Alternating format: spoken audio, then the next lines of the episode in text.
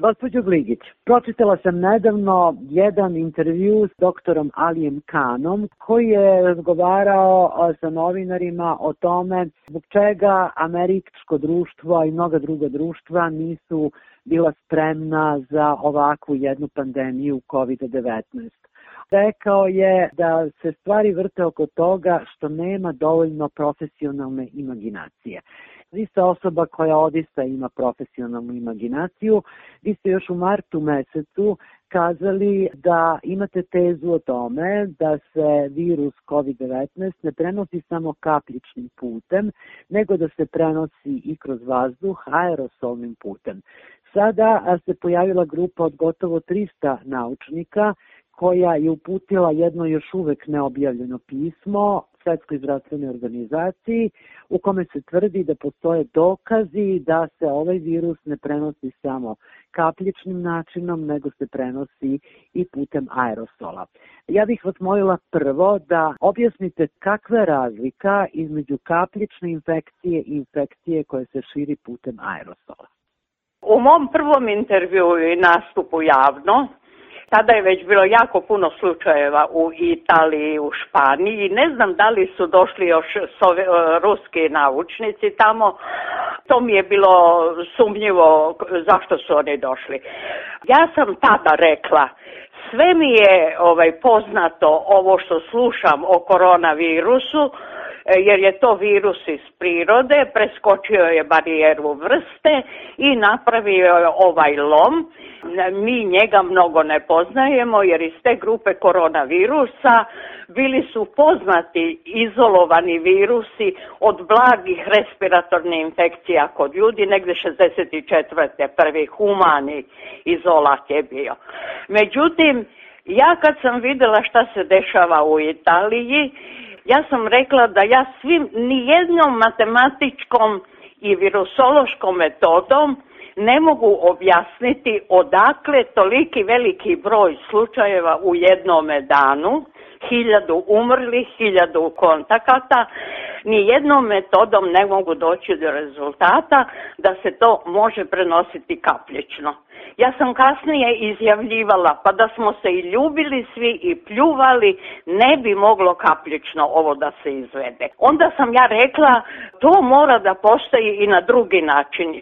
Kad sam pročitala da virus ostaje dugo u spoljašnjoj sredini, nekoliko sati, što je neuobičajeno za viruse, da se održe u spoljašnjoj sredini van ćelije, onda mi je bilo jasno da virus kad se iskašlje ili izdiše kroz usta, mi izbacujemo veliki broj krupnijih i sitnijih kapljica u kojima mora da je virus jer se virus prvo razmnožava na mjestu ulaska, to je respiratorni sistem, nos, oči i usta, vlažna sredina. Meni je bilo jasno da virus kad se izbaci, ako ne pogodi neku osobu da se prenese, on mora da padne na predmete oko osobe koja kašlje. I onda sa dodirom tih predmeta čovjek nesvesno se uhvati za nos ili usta i na taj način se inficira. I zato smo nosili rukavice. Ali opet mi nije štimovala procena, nije matematika kako, šta se još dešava. Kad sam vidjela da su ruski naučnici došli da prskaju ulice, fasade, bolnice, institucije u kojima se radi dijagnostika, bilo mi je jasno da virus kad padne na okolne predmete, ako ne na niša ni na čovjeka koji će razviti bolest, on se osuši, te kapljice se vrlo brzo ispare, to su sitne kapljice. I osušen virus prilikom prolaska automobila ili u sobi sa predmeta mahnete malo rukom ili peškirom u kupatilu, vi ćete taj osušeni virus podići u vazduh, a objašnjenje da je to moguće je sljedeće.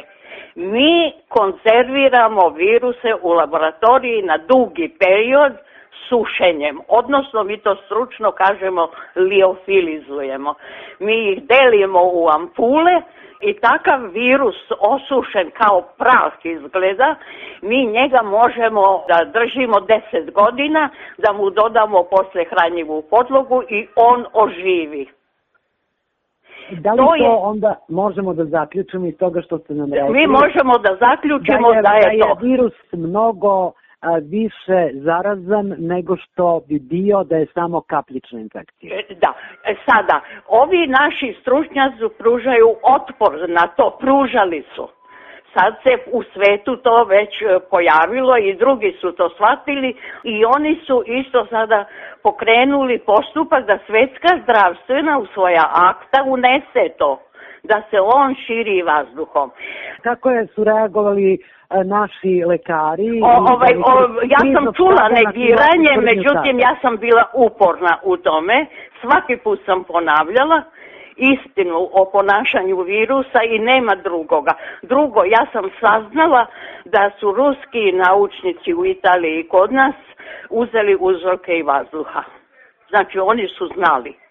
Oni su došli da nam pomogne, brat, ali oni su došli da uzmu uzorke iz sve balkanske zemlje gdje je bilo u početku najviše slučajeva.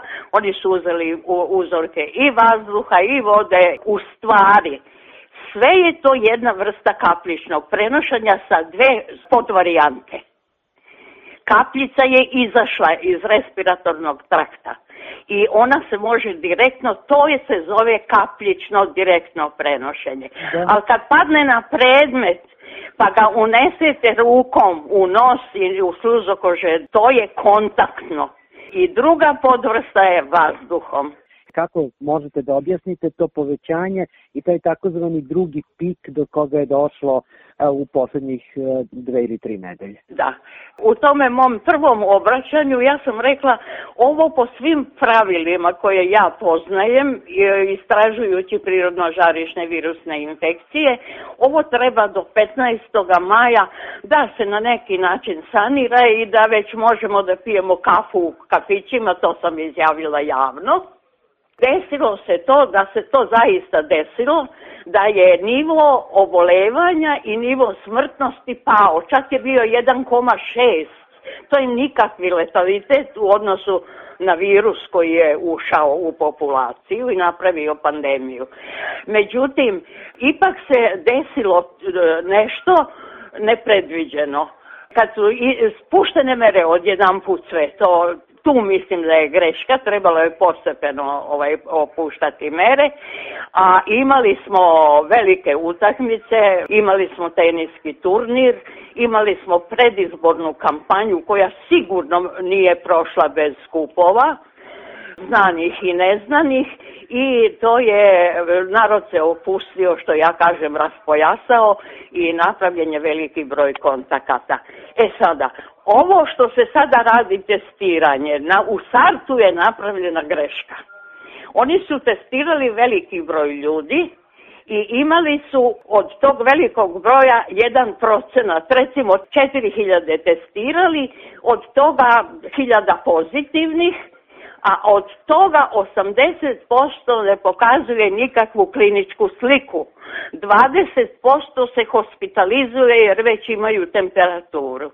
Ovi drugi koji nisu pokazivali kliničku sliku, puštali su ih kući na odgovornost da budu u nekoj kućnoj izolaciji, a tih je bilo mnogo, oni su odlazili u svoje porodice i inficirali članove porodice, komšiluk i sve one sa kojima su dolazili u kontakt, jer ako su pozitivni na koronu, oni seju virus do određenog momenta dok ne stvore antitela. A prva antitela se počinju stvarati negdje oko 20. dana posle infekcije. Moralo se staviti svi pozitivnu izolaciju. Sad imate opet jednu drugu situaciju u današnjem danu i jučerašnjem, da veliki broj imamo respiratornih infekcija koje su u tri uzrokovanja negativna na koronu, a pokazuju kliničku sliku, teško zapalenje pluća, zahtevaju respiratornu potporu, a nisu korona. Ostaje sada pitanje, da li se možemo pouzdati potpuno u PCR testove? Da li su materijali uzeti na adekvatan način, ali tri puta ako se testiraju pa pokažu negativno, onda se može pretpostaviti da se u cirkulaciji danas u Srbiji nalaze i u celom svijetu. Oni uobičajeni virusi koji se javljaju u ovo doba godine, a to su virusi koji se prenose komarcima, odnosno hematofagnim insektima, insektima koji se hrane krvlju ljudi i životinja. I oni prenose viruse. Među te viruse koji se prenose krpeljima i komarcima, najčešće je kod nas e, spominjana zapadno-nilska groznica.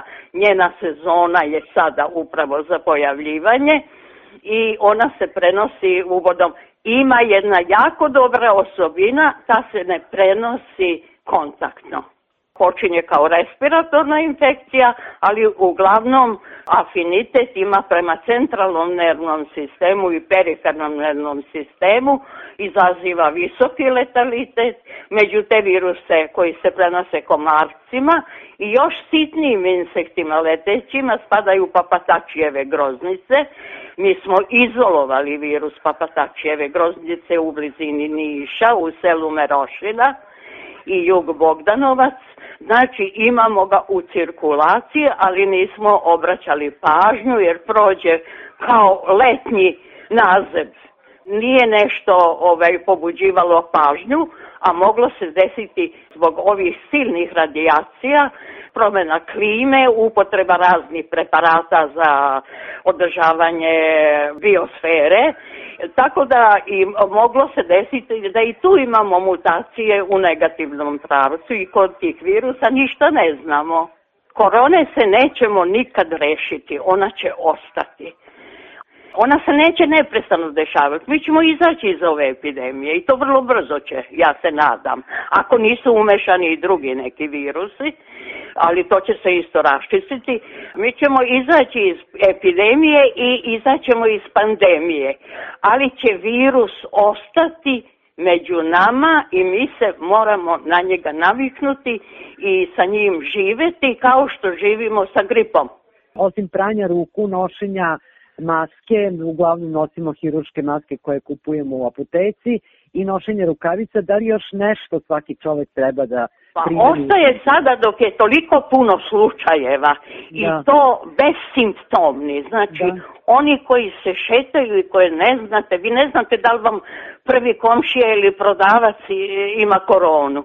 Moramo se pridržavati da što manje smanjimo da dođemo u kontakt sa takvim ljudima, ali nikako ne smemo dozvoliti da to bude socijalno distanciranje to će nas uvesti u psihozu. Mi moramo da tražimo da to bude fizičko distanciranje. A oni neprestano govore što više socijalno. Socijalno distanciranje, to znači ne smemo ni telefonom da više razgovaramo. Naprotiv, ljudi treba da komuniciraju pod određenim uslovima, ali da drže tu fizičku distancu dok je još ovako sve napeto. Ja sam slušala doktora Kona pre nekoliko dana. On je rekao da se imunitet kod populacije popeo sa 6 na 10%. Znači, postoje prirodno prokužavanje. E sad to sve zavisi kojom metodom su merili prokužavanje, da li nekom metodom modernom sadašnjom, što ja bi e, ovaj, tražila da se potvrdi klasičnom metodom, koje su mnogo pouzdanije ili ne znam kako, ali sigurno imunitet na svako strano telo koje uđe u organizam stvara odbranu i stvara antitela. E ona se mogu dokazivati raznim metodama. U ovoj sadašnjoj situaciji kad očekujemo vrh to je uobičajeno kod prirodnih žarišnih infekcija da imamo nekoliko pikova, odnosno vrhova, da se to spušta, nestaje pa se javlja pa nestaje. Kod mojih istraživanja na raznim virusima ja sam imala po pet pikova u jednoj godini. Mora samo da se strpimo sada pod upravom štaba kakav je takav je ja ovaj ne znam da li su ga dopunili oni su u hodu trebali dopuniti štab i sa virusolozima, ima mladih virusoloza na medicinskom fakultetu, ima na Torlaku. Oni su trebali dopuniti pa da ovaj, malo i, i sa tim. E sad treba sačekati da kažu da je eh, to već počelo da pada naglo, e onda se možemo opustiti da idemo i kod kozme, uz naravno uz još određenu pažnju, god broj pozitivni ne padne na jedan eh, E, nivo koji bi izdržao sve to. Drugim rečima, dok traje pik, nema, ovaj, nema e, ničega osim odlaska po životnu namirnicu. Da, tako je. Tako je. Tako bi trebalo ako hoćemo da se sačuvamo. Jer ja gledam sada kliničku sliku, gledam ovo sve što se dešava E, Boga mi, e, baš sam se zabrinula. Predložila sam da i Torlak e, radi te druge viruse, da vidimo da li imamo u cirkulaciji nešto još, jer svaki virus od kojega smo imali do sada davao je veći letalitet od korone. Čuli smo od nekih članova kriznog štaba da sada bolest ima težu kliničku sliku od one koja je bila u periodu od marta do maja. To bi ja protumačila da je došlo do mutacije virusa. Jer e, postoje već neka istraživanja kod nas, ali pošto ja to ne radim, ne bi mogla ovaj, da o njima govorim, ali će on je izaći u javnost, iako je e, ovaj, već nešto rečeno E, ali je Svetska zdravstvena objavila da je u martu mesecu 30% uzoraka koje su istraživali imalo mutacije na genomu u odnosu na prve slučaje u Wuhanu. E, da li to znači da je stvar suprotna od onog što smo mogli da čujemo recimo kraje maja meseca, smo da je dejstvo virusa oslabilo. Da, evo ovako, ja, moje iskustvo sa vrlo opasnim virusima, krimskom, kongo, hemaragijskom groznicom i drugim virusima i ebolu koju sam pratila kad se javila u centralnoj Africi. Ja sam videla da kroz pasažiranje kroz čoveka, a moje iskustvo je sa krimskom kongo, koja posle bole je prva na listi biološkog oružja, vidjela sam da pasažiranjem kroz čovjeka svi ti virusi slabe. Tako da poslije samo izazivaju imunitet, ali e, ne izazivaju alarmantne kliničke manifestacije mutacije. A šta se sad dešava sa COVID-19? E sada, ako je došlo do mutacije, pazite, imate vi virusa koji ne mutiraju godinama, ostaju stabilni, ali ovaj je sklon mutacijama.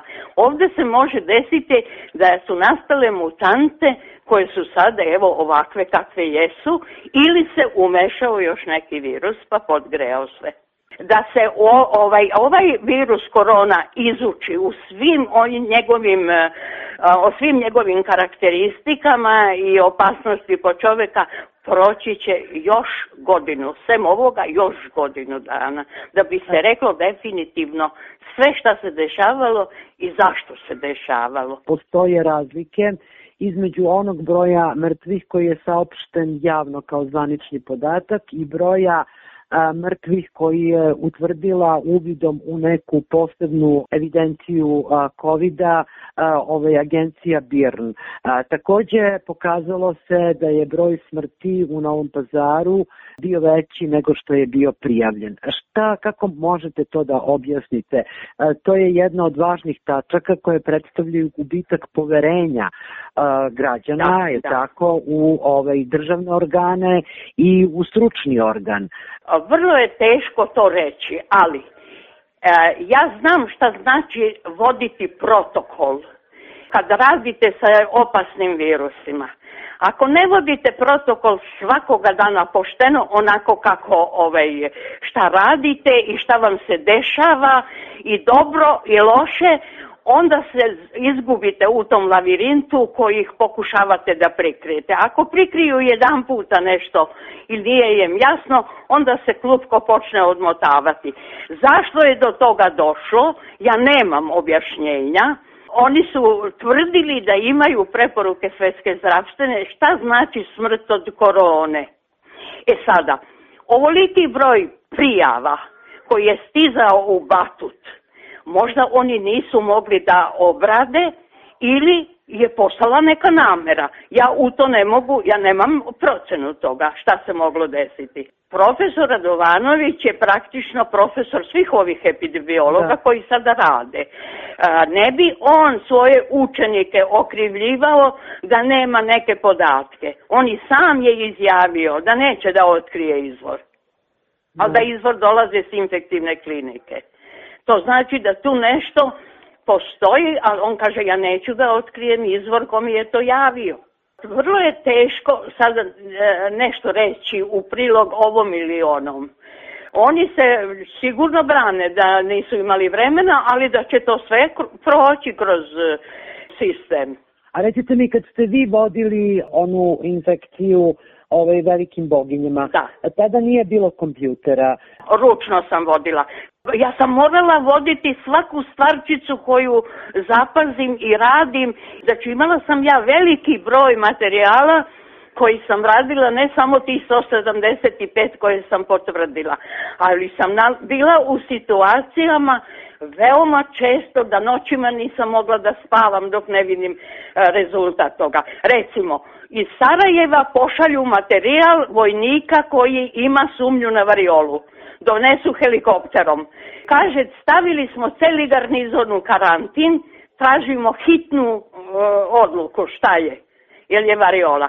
Ja uradim i negativno. Da. Pa nemam vremena da ponavljam jer oni svaki sat zovu šta je sa rezultata. Ja 14 dana nisam spavala mirno, mislila sam ako je omašeno, ako mi nisu poslali dobar materijal, ako ne, znate, to su strašni stresovi. Evo kod nas je bilo 15. marta uvedeno vanredno stanje i bile su primenjene dosta dramatične i drastične mere, pogotovo prema ljudima koji su stariji od 65 godina. Sada mi imamo e, veći broj obolelih svakoga dana, e, imamo veći broj smrtnih slučajeva, juče je bio najveći broj smrtnih slučajeva u jednom danu koji je službeno bio prijavljen. A da li mislite da su te mere koje su primjenjene u martu mesecu bile preuranjene i kako to je te mere u odnosu prema ovim merama koje se sada sprovode? Mislim da su mere bile preoštre u, onome momentu. Pipali su, tražili su šta mogu ili je bilo neke namere, ne mogu da kažem, ali to je bilo strašno za nas starije stvarno e, na, i na psihološkom planu i na kako god hoćete planu. Čuli ste da je predsjednik Republike e, ovaj, najavio, iako to nije u njegovoj nadležnosti, da će doći do policijskog časa e, u Beogradu. Ja ne znam šta to znači i ne znam šta će se sa tim postići, uopšte ne vidim. Da li postoji jasan virusološki cilj za tako nešto? Ne, ako, ako možemo danas i sutra da idemo u obdanište, da sedimo do 8 sati u kafiću, da idemo u prodavnice, onda odjedanput put u subotu i nedjelju ne možemo. Nema logike. Onda u ponedjeljak opet možemo. Nema logike. Ili se mere uvode sa nekim ciljem i rezultatom koji se brzo vidi, ili ne treba ga uvoditi.